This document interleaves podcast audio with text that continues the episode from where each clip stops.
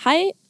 Velkommen til eh, Litteraturhuset og denne debatten eh, i, som er i regi sammen med Tankesmien Agenda. Eh, mitt navn er Tiril Halvorsen, og jeg jobber i Tankesmien Agenda. Og jeg er kveldens møteleder.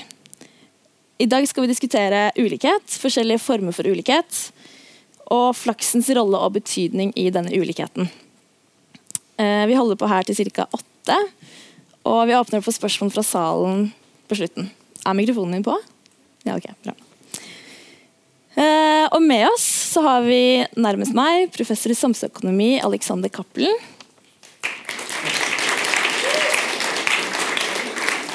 Han jobber i, ved The Choice Lab på Norges handelshøyskole. Og I midten så har vi min kollega Sigrun Aasland, fagsjef i Agenda. Og sist, men ikke minst, har vi Erik Skutle, stortingsrepresentant fra Høyre.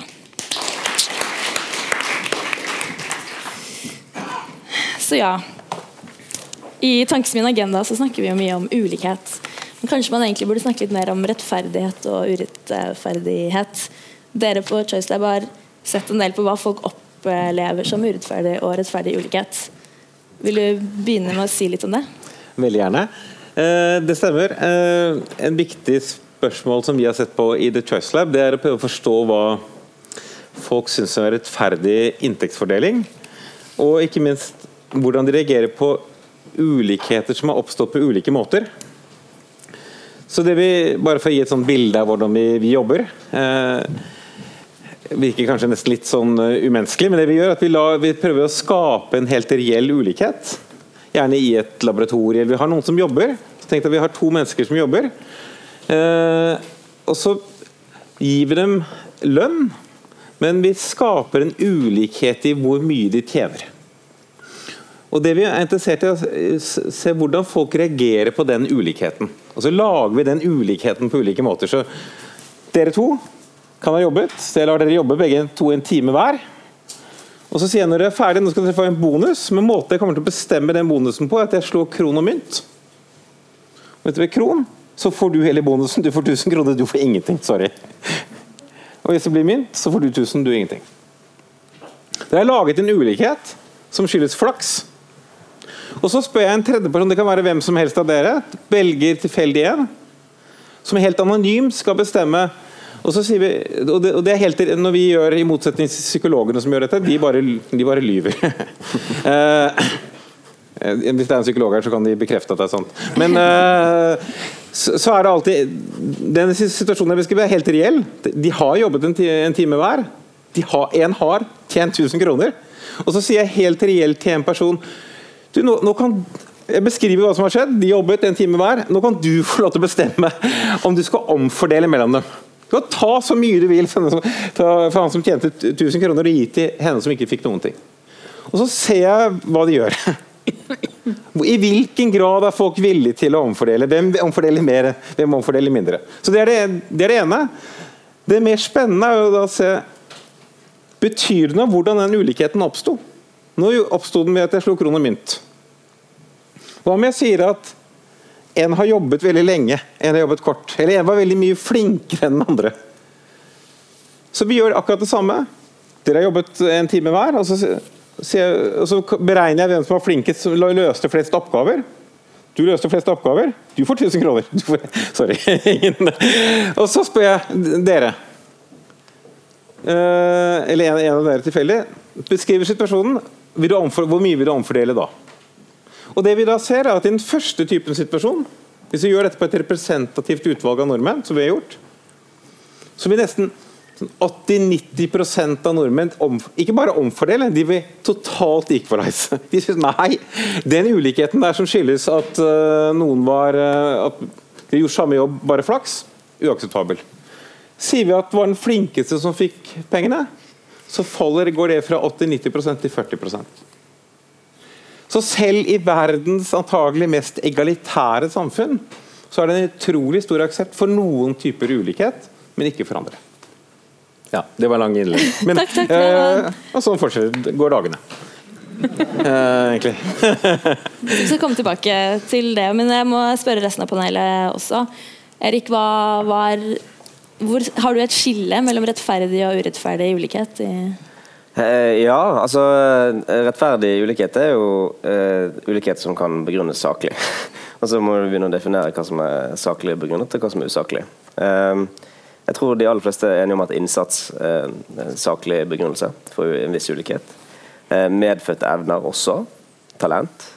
strategiske valg man tar i løpet gjennom livet, tror jeg kan være saklig begrunnelse. Også kanskje flaks, til en viss grad. Eh, fordi at jeg, tro, jeg, tror ikke at Jeg tror de fleste skjønner at det er veldig sjeldent at man går på gaten og så ramler man over 100 millioner. Hvis man, hvis man er i en situasjon der man blir eh, skal løpe 100-meterfinalen i OL, og så har man kanskje litt flaks at man eh, har litt eh, bedre vind eller litt bedre baneforhold enn andre, så har man jo gjort et eller annet for å sette seg i den situasjonen. Sånn man, man, man, bare, man drar ikke på nachspiel, så bare plutselig våkner man opp og skal løpe 100 meter-finale. Så suksess som man får eh, av noen former for flaks, mener jeg kan begrunnes saklig. Jeg kan ta ett eksempel også. Eh, jeg har en venn som søkte eh, F-16-pilot når han skulle inn i Forsvaret. Og eh, Der er jo det hundrevis og tusenvis av søkere, for alle eh, tøffe gutter på 18 år vil jo bli F-16-pilot når de skal inn i Forsvaret. Og Han er utrolig dyktig, kjempesmart, kjempeflink, utrolig hardtarbeidende. Eh, men når de skulle selekteres ned fra 30 til 9, så måtte han dra hjem. Måtte han sitte i en vaktbu resten av førstegangstjenesten sin. Eh, og Så spurte han da eh, det befalet som hadde ansvaret for å selektere ja, hvorfor dette. da? Jeg har jo gjort alt perfekt. Og da sa han ja, men det gjorde alle de andre òg, så vi måtte bare velge. Og jeg tror Noen sammenhenger eh, så havner man i de situasjonene. Hvis vi bare trenger ni eh, jagerflypiloter per år, og det er 200 som er godt kvalifisert, da må man velge på et vis. Det tror jeg det gjelder i arbeidslivet, det gjelder hvem som blir professor istedenfor førsteamanuensis, det gjelder hvem som kommer inn på Stortinget, hvem som ikke kommer inn på Stortinget. Litt flaks tror vi må akseptere, og jeg tror folk også aksepterer det. Problemet blir jo hvis eh, man går vekk fra flaks og over til at eh, alt blir 100% randomisert. Det er jo noe annet enn flaks. Da har vi et problem. Men eh, litt flaks, det, eksisterer, og vi må forholde oss til det. Og det å prøve å eh, eliminere oss vekk fra all uflaks og flaks, eh, det vil føre til noen vulgære situasjoner som vi helt sikkert kan tenke oss til. Så, ja. Spørsmålet, spørsmålet er vel kanskje om vi skal rette opp i det i etterkant. Men det skal vi komme tilbake til litt etterpå. Men eh, Sigrun eh, Rettferdig ulikhet. Han hadde jo ingen urettferdige ulikheter, omtrent. Eh, nei. Eh, nei. Eh, jeg tenker, Det er et forsøk til fra Choice Lab faktisk, som jeg har lyst til å, å, dra inn. fordi eh, noen kollegaer så jeg av Alexander, de gjorde et forsøk med barn. hvor de, det, Man kan skille mellom tre typer rettferdighet. Da. Den sånn egalitære rettferdigheten, alle skal ha like mye uansett. Eh, og så er det mer sånn meritokratisk, som er litt det vi snakker om nå. Sant? Hvis du jobber hardt og har mye talent eller du har gjort en god innsats, så syns vi det er ok at du får litt mer. Eh, og så er det den libertarianske, som kanskje eh, Erik er nærmest her. Eh, som er mer sånn Hvis det ble litt ulikt, så ble det det. Da må vi leve med det. Eh, og så spør man barn, og i femårsalderen så er jo alle veldig opptatt av at den egalitære rettferdigheten skal være akkurat like mye saft i glasset. Eh, og det spiller ikke noen rolle hvem du er og hvor du kommer fra og hva du har gjort. Eh, og så ser vi at Når de blir litt større, 13 år ca., og kanskje særlig guttene, så blir eh, meritokratiet viktigere. Og Blant voksne så er jo egentlig meritokratiet liksom den aksepterte rettferdigheten. Det skal være sånn at hvis du har jobbet litt mer og hvis du er litt flinkere, og sånn, så syns vi det er ok at du tjener mer. og Det tror jeg de aller fleste syns. Og så blir jo utfordringen da å definere ja, hva er det og Der jeg tror liksom ideologiske skiller oppstår, er jo i eh, hva er det du selv kan påvirke. Eh, og hva er det som ble sånn som en følge av dine omgivelser, dine foreldre? Ja, veldig flaks å bli født i Norge, f.eks. Det er enda mer flaks hvis du ble født inn i en ressurssterk familie. Og så har du enda litt mer flaks hvis du arvet mange penger. Eh, og, og, sånne ting betyr jo også noe for eh, hva du får, og hvor mye man tror at individet betyr, versus hvor mye man tror at liksom, omgivelser og ting utenfor din kontroll betyr. Der der liksom begynner operasjonaliseringen, og der begynner det å bli vanskelig. Da. Men at det skal lønne seg litt å jobbe hardt, det tror jeg de aller fleste voksne er enige om. Mm. Jeg kan jeg bare følge opp? Jeg, jeg, var med på det studiet. Mm. eh, og, og, du har helt rett. Det er et skift eh, veldig de aller yngste barna de, de er bare ego. De tar alltid seg selv uansett. Men, eh, men så er de superegalitære, sånn åtte-ni-årsalderen, og så er det skift. Men, men, men det er jo også et det, hvor kommer det skiftet fra? Hvorfor er, vi, mm. hvorfor er vi meritokratiske, hvorfor er vi mindre meritokratiske eller mindre libertarianske i Norge enn de er i USA f.eks.? Her kommer antagelig institusjonene inn. Vi har gjort et uh, som jeg snakket om i et annet agendamøte, et veldig morsomt uh, felteksperiment i Chicago, eller utenfor.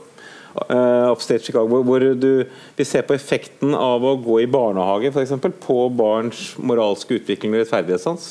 Hvor du ser at de som randomisert plasseres inne i, i visse typer institusjoner, får utvikle andre typer rettferdighetsidealer. Så jeg tror ikke det er tilfeldig at i Norge at du ser et skift på den tiden du ser. For det er akkurat på den tiden eh, vi går fra å være utrolig Jeg har barn på sånn åtteårsalderen. Sånn fotballag. Hvis de ligger under med ett mål, under med nok mål, fem mål eller noe, så får det andre laget ett, en spiller til. Som er en utrolig kul institusjon, syns jeg. Eh, eh, alle spillerne, inkludert Jeg skal ikke nevne navn, eh, får like spilletid. Eh, utrolig egalitære ting. Det er ingen karakterer, det er ingen betalt jobb. Alt det er bare fullstendig likt. Og så skjer det. Plutselig begynner vi å tappe laget. Jeg har fremdeles traumer fra barndommen når jeg begynte å bli skvist ut av laget. Eh, men, og, og det, det er klart Erfaringen med de institusjonene der er jo veldig drivende. Det er vanskelig å vite på en måte hva er det som skjer. Er det, er det den kognitive utviklingen som driver dette, eller er det erfaringene? Men det, men det, det, og det er jo et annet spørsmål. Hva er det vi syns hva er det folk flest syns er rettferdig, og hva er det som er rettferdig? Eh, det, det, er jo ikke nødvendigvis det samme, selvfølgelig. Mm. Nei, for, for eksempel, nå har jeg ikke akkurat detalj i Norge, da, men i USA så, så er det at omtrent halvparten av din inntekt er avhengig av dine foreldres inntekt. Da. Og i Norge så vet vi jo at hvis foreldrene har høyt utdanning, så er det større sannsynlighet for å ta høyere utdanning selv. Eh, og det er jo flaks da hvem foreldrene dine er, eh, vil jeg påstå i hvert fall. Eh, du velger i hvert fall ikke de selv, og du velger ikke hva slags utdanning de har når du eh, blir født, og hva slags inntekt de har. Så er det, liksom, er det en sånn type flaks, en tilfeldighet man kan og bør akseptere at uh, gir forskjeller i samfunnet vårt, eller hva tenker du, Erik? Uh, noen ja, ja, delvis. Eh, men det som på en måte smerter aller mest, da, det er de som sitter aller nederst, nederst ved bordet. De som har eh, foreldre som har vært rusmisbrukere, som har blitt misbrukt seksuelt osv. Som har enormt mye større sannsynlighet for å bli for eksempel, rusavhengig eller hjemløs eller ha store sosiale problemer senere. Det er, på en måte et, det er jo et, et sorgens kapittel, og det syns jeg ikke vi skal akseptere på noe som helst vis. Eh, men så har jo man altså Det faktum at eh, man har større sannsynlighet for å bli akademiker hvis dine foreldre er akademikere. Eh, kanskje litt eh, forutint, altså, kanskje litt raskt å anta at det bunner en slags urettferdighet. Eh, så lenge alle har like muligheter til å ta utdanning. Og Så kan man ha lange filosofiske diskusjoner om, eh, om man i realiteten har det i Norge eller ikke. Men jeg, jeg, skjønner ikke helt hva vi kan gjøre mer for å sikre lik tilgang til utdanning i Norge. Altså sånn, hvis, man, hvis man snakker om det i det store og det hele. Eh, alle har mulighet til det, stort sett. Veldig få inntak. Men fordi de, eh, de, du snakker om i, i, nederst på stigen, da, ja. der, der, mener du vel at politikken kan kunne gjøre en forskjell, men ikke høyere opp eh, på stigen? Nei, jeg mener at politikk kan gjøre forskjell uansett. Men jeg mener at det, de som ofrene som sitter nederst ved bordet, det skal vi aldri tolerere. Det tror jeg nesten alle partier på Stortinget er enige om det. Uh, men hvis det er forskjeller litt lenger oppe, så lenge alle har en viss form for anstendighet i bunn altså Hvis man har um, hvis man blir tømrer, da, så er det ikke sånn at da stakkars deg, du må jobbe som tømrer. Det er en fin jobb, det. Uh, så jeg vil, ikke, automat, jeg vil ikke nødvendigvis komme med på premisset at det er så voldsomt urettferdig at barn av akademikere har større sjanse for å bli akademiker sjøl, og at barn av håndverkere har så mye større sjanse for å bli eh, håndverker sjøl. Er ikke med på, nødvendigvis med på premisset at det er så voldsomt urettferdig. Eh, jeg tror det, kan, det, det er andre ting enn mangel på mulighetslikhet som gjør at det blir sånn. Eh, det kan ha med interesser hvis, man, eh, hvis dine barn blir med deg på Choice Lab og ser at du har det kjekt og har lyst til å bli som pappa. Eh, det er ikke sikkert at det er noe urettferdighet at de blir liksom frarøvet muligheten sin til å bli, bli håndverkere. Jeg tror ikke det.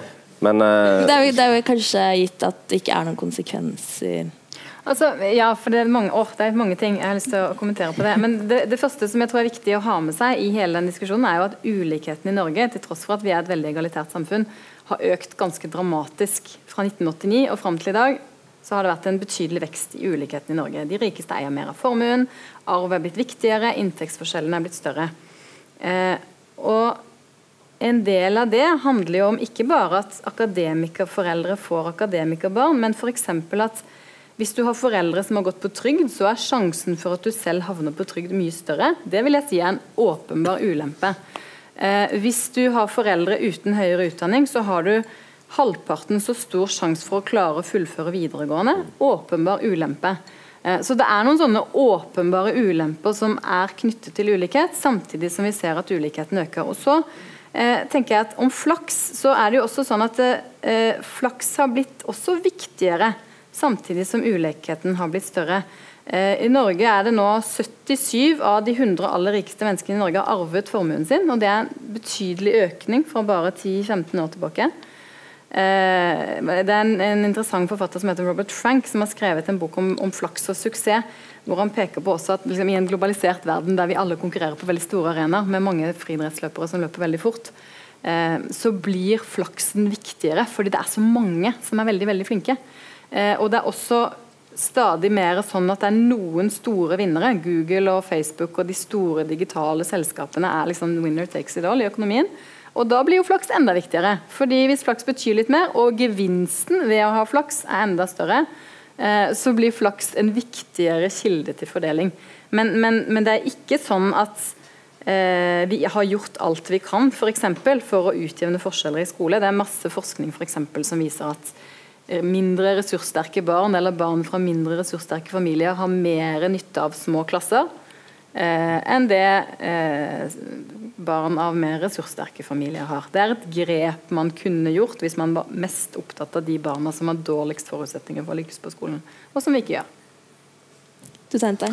Ja, eh, jeg er helt enig i det du, du, du sier. Jeg tror det er ikke bare en liten minoritet dette gjelder at du, du ser en effekt på, av sosioøkonomisk bakgrunn. Det er en School dropout er det, beste eksempelet. Det er ingen liten ting, og det gjelder en veldig stor del av, eh, av særlig den, av guttene som vokser opp, som, eh, som faller ut av skolesystemet. Eh, og så er det jo spørsmålet Skal vi bare bry oss om det som er dårlig? Som, er det greit nok hvis man kommer opp på et visst nivå? Eller er vi også interessert i hvordan det går fordelingen på toppen? Og Jeg, jeg er ikke tilhenger av det synet at det, så lenge folk har det greit, så er ulikheten på toppen uh, uviktig. Fordi ulikheten på toppen påvirker uh, samfunnet på veldig, veldig, veldig mange måter. Det vi bryr oss om kanskje enda mer enn det absolutte velferdsnivået, er jo det relative velferdsnivået. Så hvis vi uh, så hvis vi sier ok, så lenge ingen faller under et visst Som jeg tror i stor grad er tilfellet, vi sikrer i Norge mye at folk ikke faller helt ned, er det da greit med enorm ulikhet på toppen? Og det, det, tror jeg er feil måte å tenke på, for det man tenker på ulikhet langs utelukkende en sånn penge- materiell dimensjon. og det er så mye mer. Men, men en annen ting som jeg vil bare trekke inn et annet bilde. For, for en ting er ulikheten som nødvendigvis oppstår. Men jeg tror veldig mye av den ulikheten som oppstår, oppstår ikke av nødvendighet. Den oppstår av design pga. de systemene vi lager. Så vi lager et bonusordning i en, eh, i, eh, blant fondsforvaltere som sier at den som gjør det best, får en enorm bonus mens de andre får lite. Eh, hvis du lager opptakskriterier på skolen som sier at de som får toppkarakter, de som går rett inn mens de andre eh, går ut Alle disse systemene her er jo systemer som vi har laget, det er ikke noe naturgitt over det.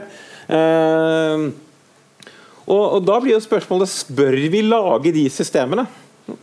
Bør vi lage det sånn at den beste fondsmegleren tjener mange hundre millioner, mens en, en, mer med, en fondsmegler som er uflaks tjener veldig lite. Er det systemet vi, er det et, uh, noe som er rettferdig? Er det et samfunn som vi ønsker? Så jeg tror den Ideen om at dette er naturgitte ting, uh, det, det kjøper jeg ikke helt. Eh, ja. Ja, altså, eh, nat Naturgitt eh, er det jo selvfølgelig ikke. Det er jo, det, det er jo designet, det er jo vi som har laget disse sosiale konstruksjonene. Eh, men jeg bare tror det at eh, Ja, folk vil synes det er urettferdig hvis eh, man har eh, 70 milliardærer som liksom har alle pengene. Eller veldig mye mer penger enn alle andre. De har alle de andre fem millionene.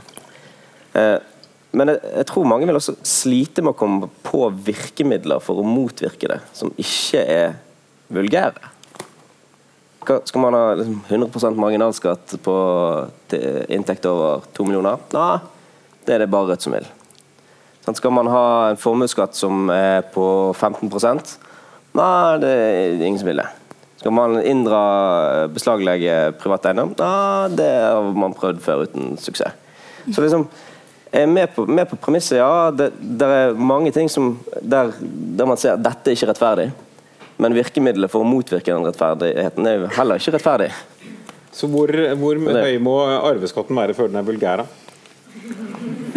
Um, Er det det som er ideen?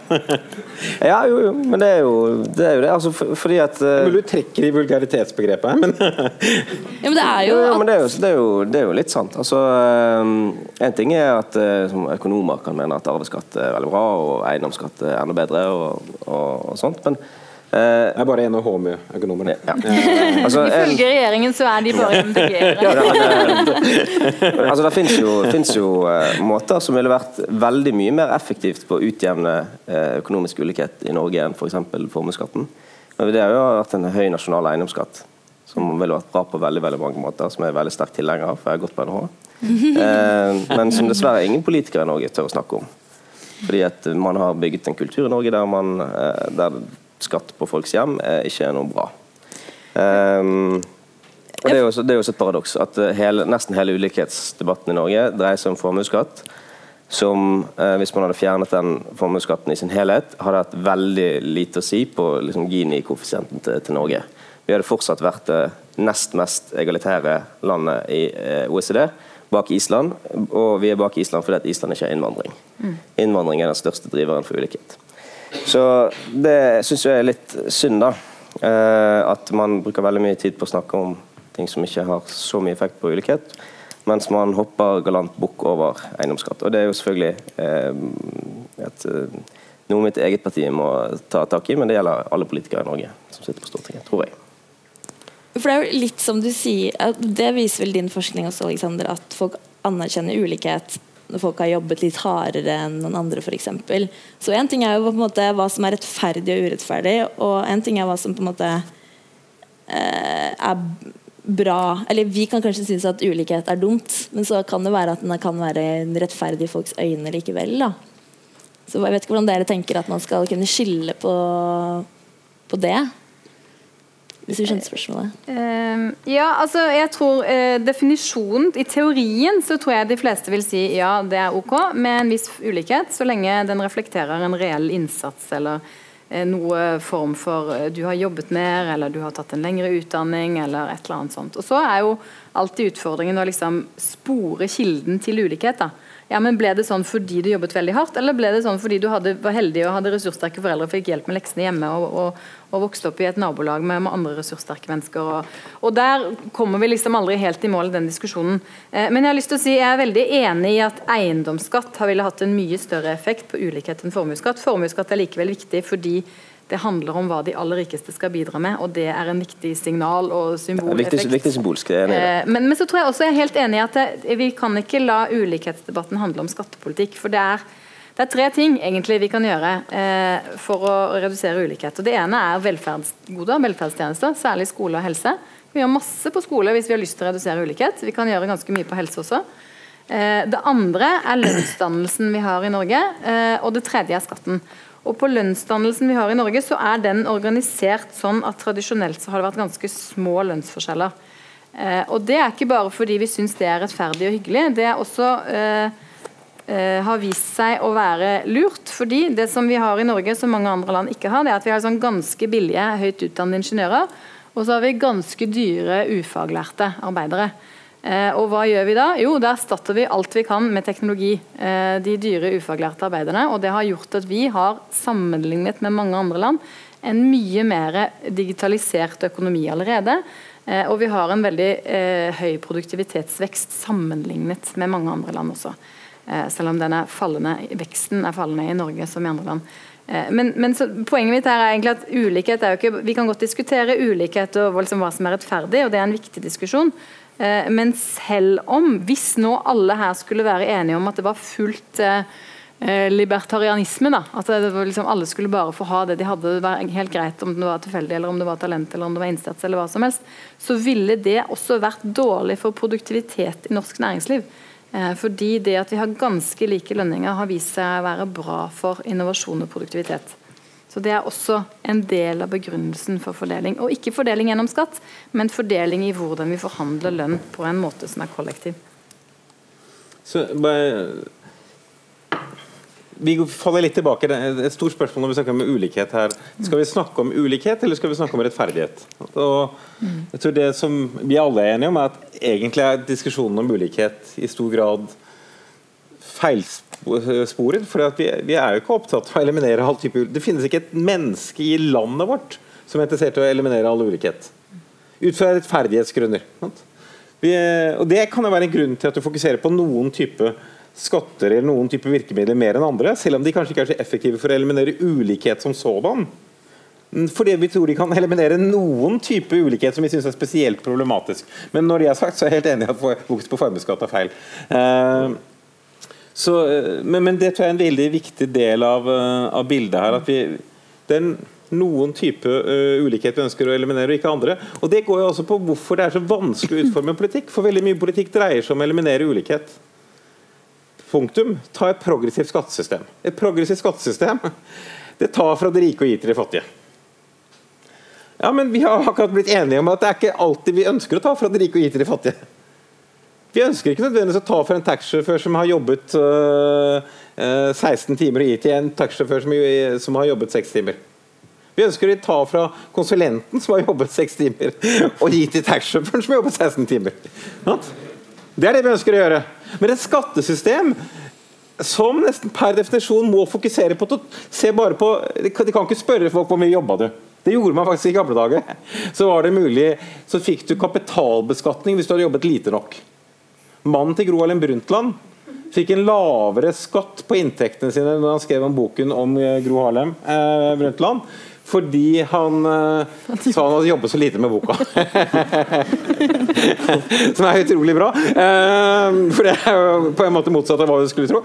Uh, så Det generelle skattesystemet her baserer seg på at vi hva er totalinntektene, så tar vi fra de rike og gir til de fattige. Det betyr at du eliminerer noen type ulikhet du ønsker. Men samtidig eliminerer du noen, også noen ulikheter som du faktisk uh, du, noen, du, gjør, du gjør noen eliminering du ønsker, men du eh, gjør også ting du ikke ønsker. Så du får en, og Det tror jeg ligger i naturen til enhver type disse, øh, omfordelingspolitikk. At det er en avveining mellom ulike typer onder. Og Det må man akseptere hvis man tror man bare kan gå for det ideelle her. Mm. Men hvis jeg kan, for jeg tror at øh, om formuesskatt, selv om jeg mener at den burde gjeninnføres slik den var, så er jeg helt enig at det er altfor smalt spor. Men skatt er jo også et altfor smalt spor hvis man ønsker å redusere ulikhet. Eh, for det eh, man egentlig, det som antagelig har mye mer effekt enn skattepolitikken, det er jo velferdsstaten. Eh, og hvis vi tenker at mye ulikhet skyldes faktisk ulike muligheter, fordi det betyr så mye hvilket nabolag du vokser opp i, og det betyr så mye hvem foreldrene dine er, da er det jo hvor mye ressurser vi klarer å legge inn i skolen og klarer å løfte de som har dårligst forutsetninger, som betyr mest for i hvert fall rettferdigheten etterpå. Mm. Um, og Det samme gjelder egentlig lønnsdannelsen. er også mer effektiv antagelig enn skattepolitikken. Uh, ikke, og den har særlig den er jo særlig egentlig tenkt fordi vi tenker det er lurt. Det er produktivt. Det er smart å ha ikke så store lønnsforskjeller, fordi da er det lurt å ansette høyt utdannede folk, og så er det lurt å kjøpe datamaskiner og roboter. Og, eh, så det er en fornuftig fordeling gjennom lønnsdannelsen. Eh, men, men eh, skatt er vanskelig, og det er uansett tror jeg, det tredje viktigste redskapet vi har for å eh, redusere ulikhet.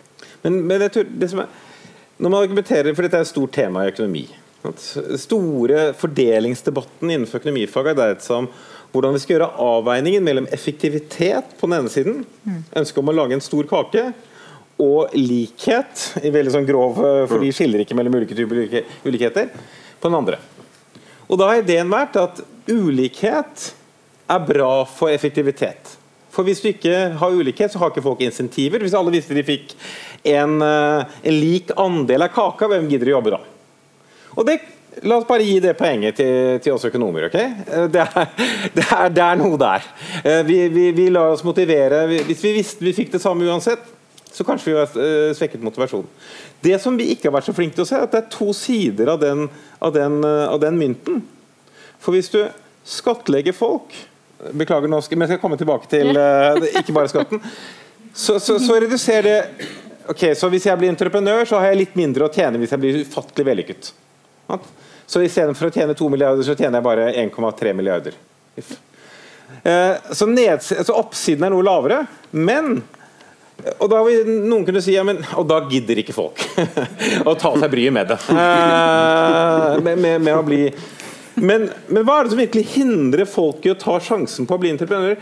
Ja, Det er ikke så mye uh, ja, Det kan være selvfølgelig at de er ikke så mye å tjene på det, men viktigere er at de er redde for hva som er nedsiden. Det er to ting som kan skje hvis du tar en sjanse. Du kan lykkes eller du kan mislykkes. Og Hvis det er én ting i moderne atferdsøkonomi har lært oss, så er det jo det at det er viktigere hva som skjer på nedsiden enn oppsiden. Det, det å kunne sikre folk gjennom et sosialt sikkerhetsnett. Sant? Eh, At, ja, men selv om du mislykkes som entreprenør, ja, så, går du, så er det ikke svært i her. Barna dine får ta en utdannelse, du får helsetjenester. Du, det kan være en mye viktigere motivator for å ta sjanser. Og det viser seg Hvis du ser på de mest innovative landene i verden, så er riktignok, det må sies, USA høyt oppe. Eh, men det er altså Sverige og Danmark, og overraskende nok også Norge, eh, på veldig høyt opp på de listene. Og jeg tror det reflekterer akkurat det vi snakker om her. At vi har en, ikke bare hvordan vi, at vi omfordeler inntekten, men at vi bruker de pengene til å ha et sosialt sikkerhetsnett som gjør at det er mye tryggere å ta sjanser i Norge. Men, men det- ja, er interessant poeng, men det er faktisk også ganske lett å ta sjanser i USA. For det er så lett å bli personlig konkurs. Og slettet gjeld. Uh, nei, men det er helt sant. Eh, Det, det, det er fint, men, men så er det ikke så mye mer igjen. nei, Da. nei, nei, nei. Men uh, du, du, Du er i hvert fall ikke i minus, da. Mye, mye, mye, mye vanskeligere å få slettet eh, en stor gjeld som du har Ja, det, er, stiftet det, eh, er, i det, Norge. er, det er en viktig ting i USA. Um, og skal det, er jo, det er jo måten eh, Det er en digresjon, men det er jo måten også eh, Mange som ikke har helseforsikring, eh, som får kreft, f.eks.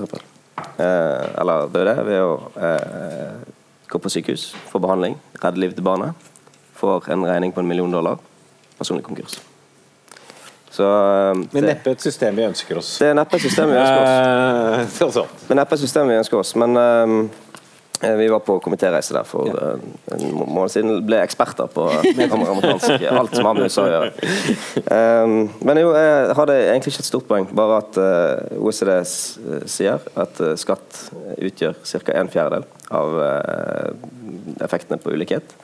Eh, velferdsordninger, da aller mest skole, utgjør tre fjerdedeler. Helse utgjør noe trygde utgjør noe. Men jeg er helt enig at utdanning er den aller aller viktigste tingen. Og så er ikke det valgkamp helt ennå, og det er ikke valgkampmøte, så jeg skal ikke liksom nevne alt Høyre har satset på for skoleutdanning. Men det er jo en grunn til at det tradisjonelt sett har vært viktig for Høyre-folk, som har tradisjonelt sett vært mer opptatt av mulighetslikhet enn resultatlikhet. Men det her med å ta risiko, da. Er ikke det på en måte en omtrent definisjonen på å ha flaks eller uflaks? Hvis du tar en sjanse og, og man, man skal, Ja, det skal være så bra, man skal, det skal lønne seg å ta en risiko. Da er det jo flaks vi, er, eh, vi snakker om. Eller? Ja, i hvert fall så Dette kan sikkert, eh, dette vet jeg Alexander har forsket på, så, men, så han kan jo mye mer om det. Men eh, det er jo i hvert fall sånn at flaks betyr ganske mye. Hvis mange tar sjanse, mange har god utdanning og mange har masse talent og jobber veldig hardt, så vil jo ikke alle de tjene verken 1,3 eller 2 milliarder, men kanskje én eller to av de vil det. Eh, og alle de andre, de får mye mindre. Eh, selv om de jobbet hardt, og selv om de hadde masse talent. Og, og, og jo viktigere den flaksen blir da, i hvem som får noe, Eh, og jo større del av kaka de få som blir igjen da faktisk får, jo mer, tenker, jo mer tenker jeg, oppmerksom må vi jo da være på flaksens rolle når vi lager politikk. Fordi hvis flaks blir stadig viktigere, og hvis utslaget av flaks blir stadig større, eh, ja da eh, tilsier jo det at man burde omfordele litt mer, da. Hvis det er sånn at folk aksepterer hardt arbeid som kilde til ulikhet, men ikke flaks som kilde til ulikhet. Ja, Det er et interessant poeng, men jeg, jeg, tror det er veldig vanskelig å gjøre noe med det. fordi at Grunnen til at flaks blir viktigere og viktigere, det er jo at populasjonen blir større og større. Eh, antageligvis. Du har i hvert fall skrevet det. eh, og det, og det høres, uh, høres, rimelig ut. Eh, og Hva er da grunnen grunnen til, at populasjonene blir større og større? Det er at populasjonene går over land og over regioner, på tvers av kulturer og lovgivning og sanksjonsmuligheter osv. Så, eh, så hvis liksom eh, løsningen på det er mer omfordeling internt blant den store populasjonen, så må man antageligvis gjøre det liksom mellom Bangalore og eh, Bergen. Og, I ytterste konsekvens. Og det er ekstremt vanskelig å gjøre. Eksempel, Derfor er det veldig trist at man ser store, viktige institusjoner som kunne bidra til dette, som f.eks. EU, som nå er inne i en tid som, der de svekkes. Der jeg tror de kunne bidratt til den type ting tar vi EU-debatten nå. Nei, men Det er vel mer den eh, nasjonale og den globale ulikheten. Ja. Når, man, når, vi er alle enige om at det er veldig flaks å bo i Norge, mm. bli født i Norge. Tar vi den konsekvensen innover oss når vi snakker om eh, så politikk? Det, som, som, virkelig er vanskelig for folk, og som er vanskelig for tror, hver enkelt av oss når vi tenker på hvordan det har gått med oss i livet, det er at vi, vi jobber ok, jeg snakker for meg selv. Eh, jobber hardt. Eh, står nå på. Og, eh, og, og, føler at du så, Hvis du hører på sånn Ok, jeg har fulgt altfor mye med på amerikansk valgkamp siste tiden. Eh, men du hører på en sånn Donald Trump-type. Så la oss nå bare anta at det han sier er riktig. Han har stått på, eh, tatt sjanser, eh, lykkes. Han har blitt president. Det var ja, utrolig dårlig eksempel. Fordi bare, men, ja, nei, nei, poenget er uh, får, Ideen er at du fortjener Hvis du har jobbet hardt og tatt sjanser, så fortjener du utfallet. Det som jeg tror er veldig vanskelig å tenke, ta inn over seg når du sier det, er men det er jo veldig mange andre For det er to ting. Det ene er at det er veldig mange andre som også har jobbet hardt og tatt sjanser, som ikke, ikke har fått utfallet. Og så er det veldig mange som ikke engang har hatt muligheten til å ta de sjansene og, og jobbe så hardt. Ja. Eh, så når du så, så, kommer, det, er virkelig der flaksen kommer sånn litt sånn usynlig inn. Og dette ser du, Det er en fantastisk historie for de som ikke har lest den boken, som hadde lest den. Eh, Dan eh, Kahnemans 'Thinking Fast and Slow' beskriver en uh, anekdotisk en historie hvor han holdt et foredrag for uh, noen fondsforvaltere i jeg eh, husker ikke om det er Israel eller et annet land, men det er ikke så viktig. De gir ham, Han skal snakke om bonussystemer og den type ting. Så de gir ham tilgang til å se på eh, historien for hvordan de har tildelt bonusene. Så de, Måten de tildeler bonuser i det selskapet, er at de ser på hvem som har gjort det best relativt sett av de ulike fondsforvalterne i selskapet. Ok, så Hva vil det være kriteriet for at det er et uttrykk for hvor flink eller iherdig man er? De har records for 20 år. og Det ville være at det er en samvariasjon mellom hvor sannsynligheten for at du lykkes ett år med å få bonus, og at du får et annet år. Er dere enig? Ja. Bra.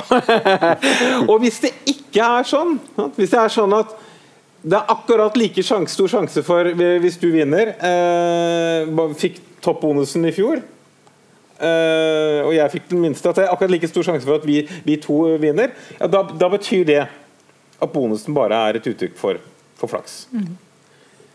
Hva finner han? Han finner akkurat det. Det er absolutt ingen samvariasjon. Og det interessante er jo disse menneskene De hørte hva han sa, de er smarte, så de skjønte at dette var riktig. De skjønte hva det innebar. Takk til deg. og de endret selvfølgelig ingenting. For det, det er nesten så mentalt sett er det umulig å forestille seg når du har jobbet hardt og stått på eh, og er flink, og så lykkes du. Så, så jeg tror rent psykologisk sett så tilskriver du det din egen innsats og ferdighet. Men du tenker ikke alle de andre rundt meg gjorde jo også det. At den koblingen er bare utrolig vanskelig å ta inn over seg. Og det tror jeg er en sånn driver for ulikhetsaksept. Og jeg tror det og jeg kommer inn på en annen ting som jeg tror er utrolig viktig. Vi har veldig dårlig forståelse. Hvis du ser på hva som er en av de sterkeste prediktorene for holdningen din allment til omfordeling i samfunnet, så er ikke det bare hva du syns er rettferdig. Nå diskuterer vi hva er det rettferdig Bør vi akseptere ulikhet som skyldes flaks eller innsats eller talent, som vi bør snakke om senere. Men selv folk som er enige om det, hva som er rettferdig, er uenige om hvordan man skal omfordele. Fordi de har ulik oppfatning av hvor viktig de ulike kildene er. Og Der tror jeg folk bare er totalt forvirra. Eh, folk eh, men så, det, det, høres eh, elitistisk ut, men, jeg, men, det, men det, det, sier jeg bare fordi jeg tror bare det grunnleggende er vanskelig å vite. Er, jeg tror På et nivå her så er det kanskje umulig å vite. For det er så litt sånn Har folk fri vilje? Folk, det er noen dype filosofiske spørsmål et eller annet sted der. Men, men, men selv uavhengig av det, på en måte vite hvor mye skyldes at folk var flinke, eller at de hadde flaks, eller at de hadde en familiebakgrunn, det er bare veldig vanskelig. Og når du ser på sammenhengen mellom hva folk tror om det, og hvordan det stemmer, så er det en veldig sterk sammenheng. Folk som tror at ulikhet stort sett skyldes hardt arbeid, ja, de er veldig tilhengere av de, de, de, de syns vi ikke skal omfordele så mye. Folk som tror det skyldes flaks, de vil omfordele. Og her, så her er det et enormt behov ikke, bare for informasjon. Folk vi bør ha bedre forståelse for det. For ja, det gjelder både enkelte fondsforvaltere, men også selskaper da, eh, som, gjør, eh, eller som har suksess. Mm. Og nå, Erik jo, gikk halvveis på NHH, og kanskje flere her også, men at der er det ikke sånn at man på en måte i et ledelsesfag og at man på en måte ser hva er det disse suksessfulle bedriftene har gjort, og så prøver man å kopiere de. Ikke det, blir ikke det liksom akkurat som du snakker om, da? At man uh, geniforklarer noe som bare var flaks, og så ødelegger det hele aksepten for uh, ja, Nå har ikke jeg aldri, jeg har aldri tatt de fagene selv, men jeg, har hørt de Det var bare etikkursene. Nei, men jeg, jeg, jeg, tror det er en veldig en helt korrekt historie. Mange av disse historiene om de supersuksessfulle, det er jo en sånn rekonstruksjon av hva som skjedde. I lys av, Litt basert på at dette må jo være drevet av ting som folk har kontroll over. Bare Vi har ikke sagt det, men jeg tror det jeg har testet dette. Det, et prinsipp som de aller fleste sier ja til, hvis vi spør dem, det er at vi skal akseptere ulikhet som skyldes ting som er under folks kontroll, men ikke akseptere ulikhet som skyldes ting som er utenfor folks kontroll. Uh, men folk har en tendens i, alt, i, veldig stor grad, tror jeg, til å tilskrive altfor mye ting til ting som er under folks kontroll, mer enn det det faktisk er. Mm. Men, men det, det, er jo ja. Jeg bare tenkte på dette med, Vi snakket litt om bonusordninger. fordi det er jo eh, De forutsetter jo både at man har kontroll, og så forutsetter de at vi alle er på en måte rasjonelle individer som vil respondere på en sånn gulrot i andre enden. Um, og så viser jo mye eh, forskning at det er litt tvilsomt om bonusordninger egentlig gjør at folk jobber hardere. Eh, og mye av det som på en måte er fortellingen fra store norske industribedrifter og sånn, det er jo helt andre ting. Det handler om eh, lite hierarki og jevn lønnsfordeling. og vi, liksom, i, i, Singapore så får du en feil tegning, og så bygger du skipet videre og sender tegningen opp til sjefen, som sender den til sjefen, som sender til sjefen, og så går det tre måneder før man får rettet opp på tegningen og taper masse penger. I Norge så bare sier fagarbeideren nei, her er feil, her må vi fikse. Vi gjør det litt an, på en litt annen måte. Eh, og den tilliten eh, og det begrensede hierarkiet og den likheten som er mellom topp og bunn i veldig mange norske virksomheter, den gjør at vi er veldig effektive og produktive. Eh, og den handler ikke om at vi får bonus for å gjøre riktige, smarte ting. Den handler om at det er ikke noe sånn konflikt, sterk konflikt hele tiden mellom ledelse og ansatte nødvendigvis. Eh, men det er mye større grad av sånn eh, tillitsforhold. Og Et sånt tillitsforhold avhenger også av en viss form for opplevd rettferdighet. Da. Ikke lik lønn for alle, men eh, heller ikke veldig store avstander mellom toppen og bunnen. Ja, det tror jeg er for det meste riktig, men det er jo, selvfølgelig så blir jo en ingeniør som har en god idé og som fikser det og sparer virksomheten for mange penger, blir også belønnet i Norge. Kanskje ikke at han får en sekk med penger, og sånn, men, men, det kan jo være at uh, det finnes andre form for belønninger som er, har effekt på mennesker enn bare de økonomiske. Men jeg tenkte bare skulle si det altså, sånn som diskusjonen beveget seg inn så følte jeg at vi var litt sånn at vi hadde konkludert med at flaks betyr alt, og innsats betyr ingenting. Eh, med fondsforvalterne og alt. Men, men, sånn er jo ikke verden skrudd sammen. Altså, eh, det er mange tilfeldigheter på eh, aksjemarkedet, åpenbart. Men du har jo noen fond som statistisk sett har gjort det langt bedre enn andre fond over tid. Det er forskjeller. Det er forskjeller i virksomheter. Altså, hvis vi, hvis vi, vi ikke tror at god ledelse betyr noe i en virksomhet, at alt er bare flaks, at hvis vi ikke tror at strukturer betyr noe, hvis vi ikke tror at gode medarbeidere og eh, egalitet innad i virksomheten betyr noe, alt er bare flaks, så kan vi bare gå hjem. Trenger vi verken NHH eller Agenda eller noe stort. Er alt bare flaks. Så flaks, ja, ja, ja. Klart flaks har noe å si, men eh, vi kan ikke bore oss ned i det hullet der vi konkluderer med at det er liksom alt overskyggende. da. Jeg tror jo fortsatt at innsats og talent og ferdigheter men, men, betyr ganske mye. Sånn, jeg, jeg, tror ikke det er spørsmålet. Du har helt rett. Selvfølgelig så betyr det Hvis vi ingen, ingen av oss gjør noen ting, så skjer ingenting. Så, så, så spørsmålet er mer er vi en, det, Tenk på gamle Arbeiderparti-statstanken. Hvordan var den tenkt? Da var ideen at alle jobber omtrent like mye. Hvis alle jobber eh, en åtte-ni timers dag, og alle står noe på sant? Så hvis du, det, det, det er det som er, men, du har helt rett, det er det som er moralen i, i moralen i denne fondsforvalterhistorien. Så det er et veldig godt poeng. Det er ikke det at ikke innsats eller talent betyr noe. Det som er Poenget med denne historien er at i den virksomheten så har jobbet alle sammen veldig mye. Og alle sammen var ganske flinke. Så den forskjellen som var igjen, den var drevet av flaks. Mm. Så det er jo spørsmålet her. Hvis hvis folk faktisk jobber eh, Men det er jo et åpent spørsmål, da, selvfølgelig. Eh, og det her kommer det er et empirisk spørsmål. Hvor mye er drevet av den typen flaks? Er det sånn at de fleste jobber, eller er det sånn at øh, og yter mye? Eller er det sånn at veldig mange bare gir faen, mens andre øh, står på hele tiden? Mm. Og det, det, det vil, hva du tror om det, vil være veldig uh, formativt for hva du syns er rettferdig. selvfølgelig. Mm.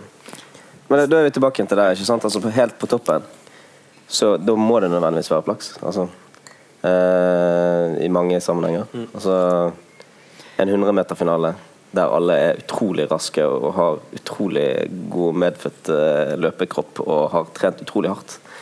Så uh, må det jo nødvendigvis være kanskje et flaks som avgjør til slutt. Du bringer oss ja. også litt inn på talent, da, som du hadde lyst til å snakke om, Alexander.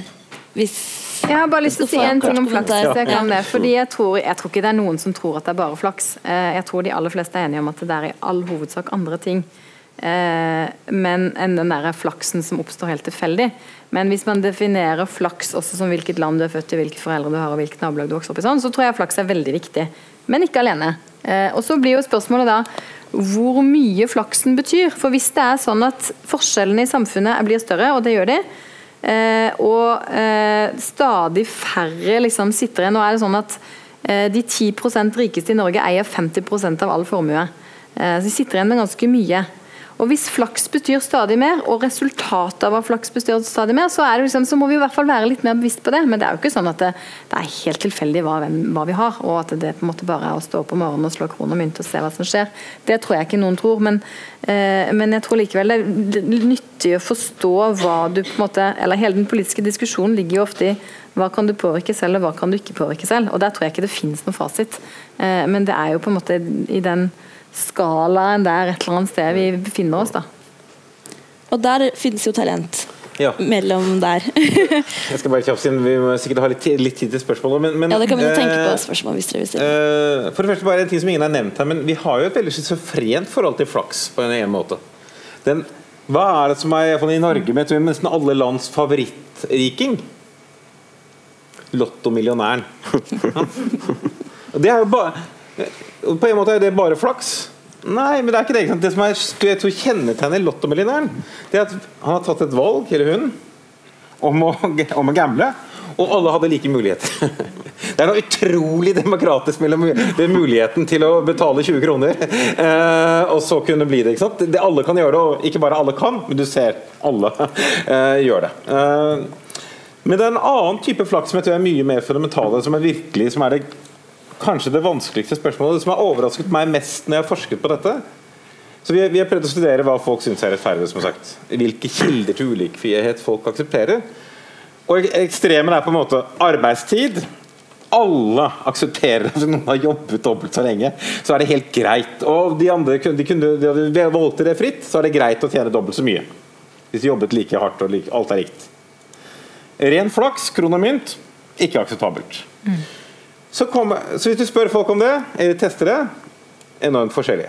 Så prøver vi med talent. Og mest mulig, Det er veldig vanskelig å isolere, da, men egentlig helst medfødt talent. For talent er jo det er litt sånn vanskelig ting, for det, det er delvis utviklet, men, mm. men, det er opplagt en stor komponent av noe medfødt over det. Hvordan reagerer folk på det? Og det som har overrasket meg utrolig, er at folk har en enorm aksept for medfødt talent. Folk er omtrent like villige til å akseptere ulikheter som skyldes at noen er født med gode gener, som de er villige til å akseptere at folk er uh, Den som jobber lenge, skal tjene mer enn eh, han som jobber kort. Det er utrolig pøsling fordi det er flaks. Mm.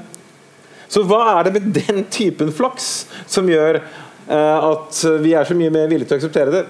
Dette er noen ting som vi, vi jobber med. Jeg, min personlige oppfatning er at jeg tror det dreier seg om to ting. Det ene er at det er en del av oss vi har en sånn idé om selveierskap. Så lenge, så lenge det, er, det er jo meg. Jeg fortjener det som kommer av meg. Det er en ganske sånn primitiv, uh, men jeg tror fundamental uh, moralsk intuisjon. Og det andre er selvfølgelig det at du kan velge å bruke talentet eller ikke. Så det er noe litt annet enn når dere begge to har jobbet og jeg slår kron og mynt. Mm. Men, eh, at hvis du jobber og vet at hvis du gjør det, så kommer det ikke noe særlig ut av det. Mens du vet at du gjør det, det er en veldig annen type valg. Så det er noen fundamentale ting her, men jeg tror det er et utrolig viktig eh, filosofisk og politisk spørsmål. Hvordan vi tenker på det at vi er forskjellige. Ja. Ja. For talent er jo helt uh, ubrukelig alene. Altså, du må oppdage at du har det, og så må du velge å bruke det. Og så må du videreformidle det og så må du liksom komme i de riktige rammene og alt mulig greier. Mm. Uh, og Uten at jeg har forsket på det, så tror jeg kanskje at det kan være litt det. da, at Selv om du har talent, så kreves det betydelig betydelig mengde egeninnsats og smarte, kloke, strategiske valg for at det talentet skal skinne. Foreldre. uh, ja, kan, ja, ja. I, til en viss grad, ja. Mm. Så er det jo også flaks at det talentet du har, blir belønnet Eh, akkurat den ja. tiden du lever i ja. nå. For at talent for veving og talent for fotball er på en måte ikke Du kan ikke bli like rik da, nødvendigvis. På de to talentene. Tøft, men det, jeg, fikk, jeg fikk veving. ja, altså, der er det på en måte ja, også et flakselement inn, inn, i bildet. Mm. Verdsettingen av talentet. Mm. Er det noen spørsmål eh, i salen? Ja, der, der er det en uh, mikrofon ja, det går. ja, det går fint. Det er ikke så veldig mange. Det blir tatt opp, ja.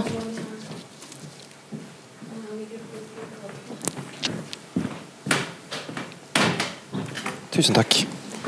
Uh, I forhold til disse resultatene i ChoiceLab, er det mulig å komme opp med en slags økonomisk modell hvor du tar vekk disse ideologiske skillelinjene mellom i rettferdigheter. Hvordan du kan ta ut et snitt av norske befolkning og deretter lage en optimal skattemodell f.eks. på inntektsskatter. hvor du er det, er det, en mulighet at vi faktisk kan ta et snitt ut av hva den norske befolkningen mener i forhold til omfordeling gitt på arbeidstimer f.eks.? Ja, det, det vil, for det første så er det selvfølgelig mulig, og jeg tror det er noe man bør gjøre. Man bør når man tenker omfordelingspolitikk, så bør man ta hensyn til at folk skiller mellom ulike typer ulikhet. Problemet er jo at du får ikke det vi ville kalt en sånn først beste-løsning på dette. her. For Skattesystemet er bare ikke differensiert nok til å klare å implementere det folk syns er rettferdig. Eh, men det betyr jo ikke at du ikke kan gjøre en avveining. Du må bestemme deg for hvilke feil du syns er verst. Er det verre at noen får for, mye, eller at noen får for lite? Så må gjøre, Du må veie den typen avveininger opp. Og så kommer selvfølgelig insentiv. Det, er, det, det vil jo være insentiveffekter både på oppsiden og nedsiden her i tillegg. Så det utrolig, men, men at man kan berike standard økonomisk teori som Jeg tok selv eh, doktorgraden min på noe så festlig som optimal beskatningsteori.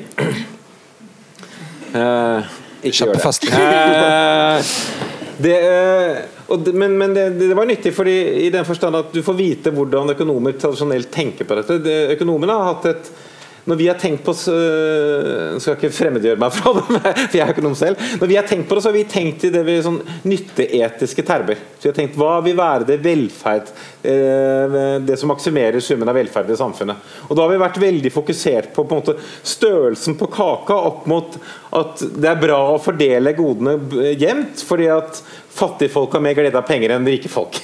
De er jo som grunnleggende sett. Men i det øyeblikket du begynner å ta hensyn til at folk syns at noen fortjener andre, så må du tenke annerledes på det. Og jeg tror det er, det er, det er ikke bare noe man kan gjøre, det er noe som man er i ferd med å gjøre òg. Er det flere? Der.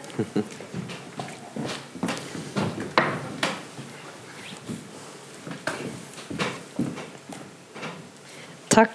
Um, jeg snek meg litt sent, så jeg vet ikke om eh, dere har vært inne på dette tidligere. Men uh, en av de store strukturelle ulikhetene i Norge går jo kanskje ikke mellom taxisjåføren som jobber seks og tolv timer, men mellom kvinner og menn. Uh, og det kan man jo kanskje si at det uh, er flaks, jeg vet ikke. Uh, men jeg lurer på hvordan tenker dere at man skal møte en sånn type ulikhet med, med utjevning, da? Um, ja, Sigrun Erik, eller hvem ja, Jeg vet ikke om jeg, jeg, mener å huske at jeg har sett et eller annet fra Choice Lab på det også, men det er jo, det er jo Du kan jo si det er en slags sånn type flaks, da. Å være født som mann, for da tjener du mer penger, selvfølgelig. Eh, eh, hvordan skal man løse det? Der har man jo forsøkt ganske mange ting og aldri fått og fortsatt ikke fått det helt til. Det var en dag i oktober alle kvinner skulle slutte å jobbe hvis vi skulle få like mye lønn per time som eh, som menn. Men, men, det er jo åpenbart at det den er åpenbart urettferdig. og så, det, så, går jo diskusjonen igjen også på hva kan du påvirke selv. og hva er på en måte gitt fordi noen yrker betaler dårligere enn andre yrker. Og hvorfor velger kvinner de yrkene? Kan de takke seg selv fordi de gjorde det? Eller er det sånn at det er urettferdig at fotballspillertalent betaler mer enn vevertalent eller strålende eh, lærertalent. Men det er jo i hvert fall noen ganske åpenbare strukturelle problemer både på den samme typen arbeid eh, og på at de yrkene som typisk kvinner har, betaler dårligere enn de yrkene som typisk menn har. Eh, jeg tenker det er mer et sånn et veldig godt eksempel på at det er ganske mange strukturelle faktorer som ligger utenfor individets kontroll, som påvirker hvor mye vi tjener, helt uavhengig av talent og innsats. Og Det er på en måte et bevis på at bare å måle talent og innsats eh, ikke er tilstrekkelig for å finne ut hva som er rettferdig belønning. Eh, det er veldig slående. Hvis det er én type ulikhet som en, som er så lett å se, så er det den. At man ikke har kommet lenger, er, er sånn sett overraskende. det er opplagt strukturelle ting.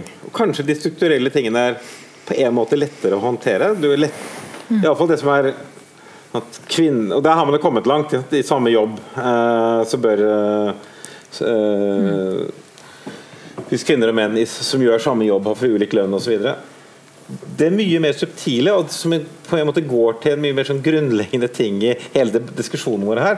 Det er jo ja, men Hvis kvinner og menn gjør forskjellige valg for eksempel, og Det er eh, noe som vi har jobbet litt med, hvis, eh, og mange andre eh, overraskende nok økonomer plutselig har interessert seg for. Hvorfor gjør menn og kvinner ulike valg? Ikke minst, Hvorfor er det sånn at, no, at kvinner synes å være mer risikoaverse? Mindre, mer averse mot situasjoner hvor det er konkurranse?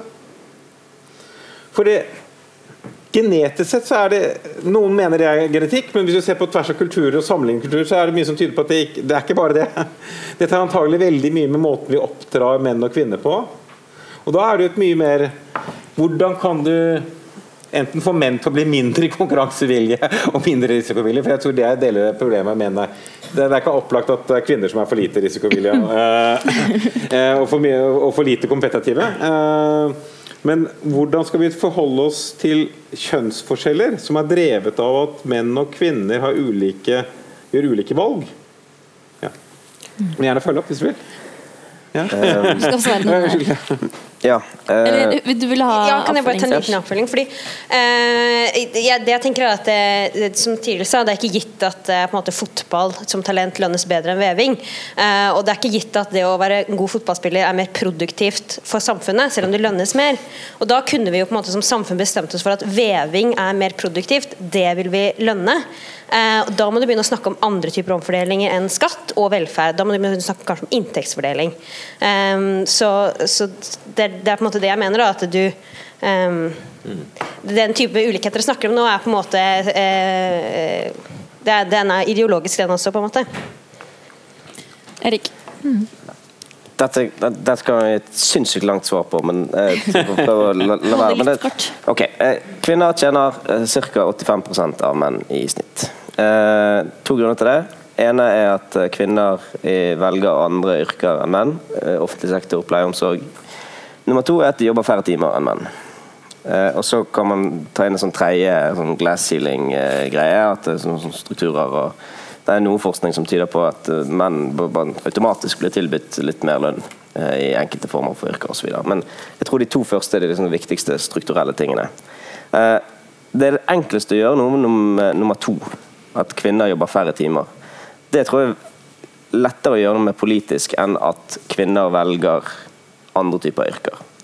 Eh, det er mange forklaringsmodeller på det første. Det kan være at vi er født sånn, eller blitt sånn, eller en kombinasjon av begge deler. Eh, nummer to handler jo om hvordan vi har skrudd sammen samfunnet vårt, tror jeg. Eh, så kan man si at det kan være noen biologiske forskjeller som sier at kvinner kanskje har lyst til å være hjemme med barn. sånn. Noen vil kanskje si det. Men jeg tror det handler om hvordan vi skrur sammen samfunnet vårt. At man har barnehager, og at man har eh, fedrekvote, sånne type ting, som gjør at eh, kvinner eh, kan jobbe like mange timer som menn på sikt. Og så, Med det produktivitet og lønn, så er det vel fortsatt sånn at man måler produktivitet i lønn, litt forenklet. Så det å bestemme seg at, for at plutselig at veving skal være veldig produktivt for samfunnet, det er nok en illusjon. De som tjener mest, er per definisjon mest produktive. For det er det som er definisjonen. Det var bare en bitte liten replikk. Altså, det som er det for I Norge, hvis man ser på hvor, når er det lønnsforskjellen oppstår, så er det et veldig klart mønster. Det er ingen lønnsforskjell mellom menn og kvinner før man får barn. Og så når man får barn, så oppstår det. Så det taler litt imot den at det I dreier seg om samme jobb, da. I, i kunne samme jobb, ja. ja, ja, men, ja, Ja. i samme jobb. Men, men, men, men, det, men på en måte er jeg enig, så kanskje vi snakker om litt forskjellige ulikheter her igjen. Det, eh, men den ulikheten som jo Det er jo på en mange måter den mest problematiske ulikheten. Den oppstår da. Og det er klart det peker jo veldig klart i retning av at de strukturene vi har rundt barnepass, eh, blir helt avgjørende. Og da er det ting som tyder på at det har en effekt. ja. Og det er det politiske ting vi kan gjøre i dag. Som Kontantstøtte og skatteklasse 2 og alle disse tingene. Er det flere spørsmål fra salen? Kanskje ikke. Nesten politisk, da. Er, det noen flere spørsmål fra salen? En bakerst. Jeg tror det blir siste vi rekker. Takk for en veldig givende samtale. Jeg hadde bare lyst til å stille et kort spørsmål angående arveavgift. Er ikke det interessant at i Norges mest, eller i et av verdens mest egalitære land at vi har avskaffa arveavgifta, som kanskje er et av de fremste våpnene for å hindre reproduksjon av ulikhet? Jeg kan Ja, godt uh, begynne Erik. med det. Eller? Eh, Eller skal du forsvare det? jeg, kan, jeg kan begynne. Eh, ja, uh, arveavgift uh, og en høy arveavgift ville hatt åpenbart effekt på eh, ulik, eh, altså fordelingen i Norge. Ulikhet. Men det har også, i alle fall med den innretningen som vi eh, har hatt, også noen negative konsekvenser. F.eks. Eh, hvis man eh, hvis, eh, eier et eh, familiehotell i Hardanger, og så skal det gjennom et generasjonsskifte, så får man et problem. Eh, Eller hvis man foreldrene går bort, og så skal man arve huset, og så får man et problem.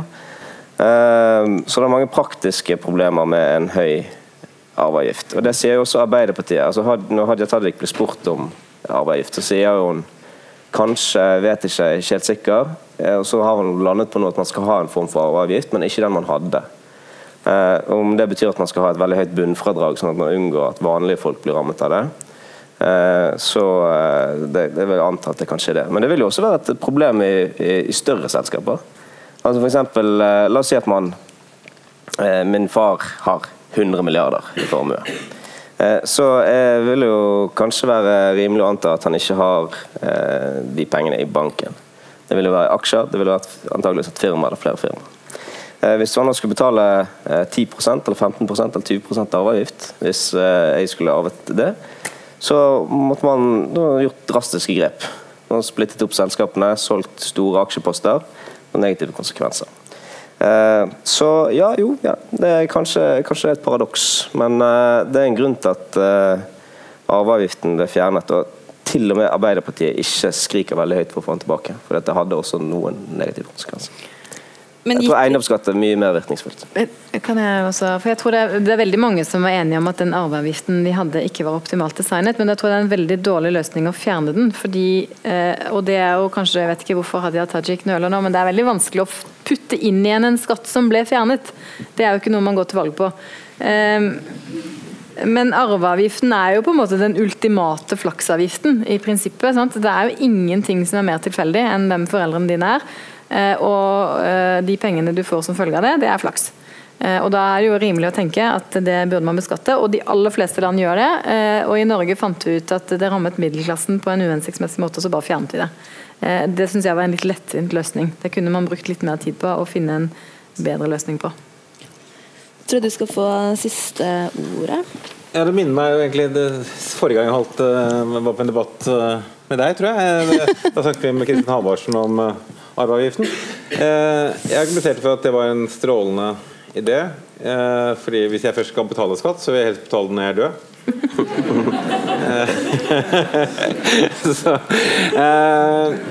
Så, men litt sånn spøk til side. Så arve, jeg, er veldig tilhenger av arveavgift på veldig høye formuer. For jeg tror det er en av de få må- måter å ta det på. Men det problemet er at det er vanskelig, for de er veldig flinke til å, til å sno pengene sine unna. Og Derfor er- ender det ofte opp med at det er middelklasse. Det som jeg tror er mer fundamentale spenningen med arveavgift, og jeg vet det er folk i salen her som har tenkt på det, det er at det er en spenning Noe av det viktige og det er relativt fersk far. Og noe av det sterkeste instinktet du har som menneske, det er jo å prøve å hjelpe barna dine. Du kan gjøre det på mange måter. Du kan gjøre det ved å bruke uendelig altfor mye tid på leksene deres.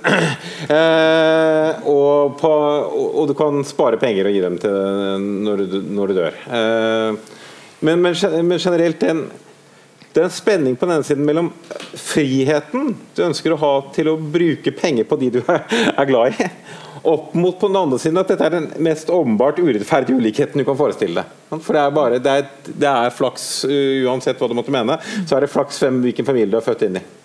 Og Den spenningen der tror jeg fanger opp en utrolig fundamental eh, ideologisk motsetning. At hva er viktigst der? Er det foreldres rett til å på en måte hjelpe barna sine eh, og sikre dem? Eller er det ønsket om å gi folk like muligheter? Og det, Den avveiningen syns jeg er vanskelig, men jeg syns ikke den er vanskelig når du kommer opp i visse inntektsformuesnivåer. Ja, når du har kommet opp til disse 100 milliardene eller, Enn at det er mindre vesentlig, for vesentlig før, før det også, så føler jeg da du har tatt vare på barna dine. Det er ikke det. det er ikke, nå, nå kan du passe på andre. Så det er, og nå er du død, så nå kan du holde kjeft. Eh, nei, nei, Ja, nei, takk for uh, praten, og takk for at dere kom. Vi har uh, en liten uh, gave til dere. Som kanskje skal få dere gjennom jula på en god måte. Vær så god. Vær så god. Se om du har flaks, da.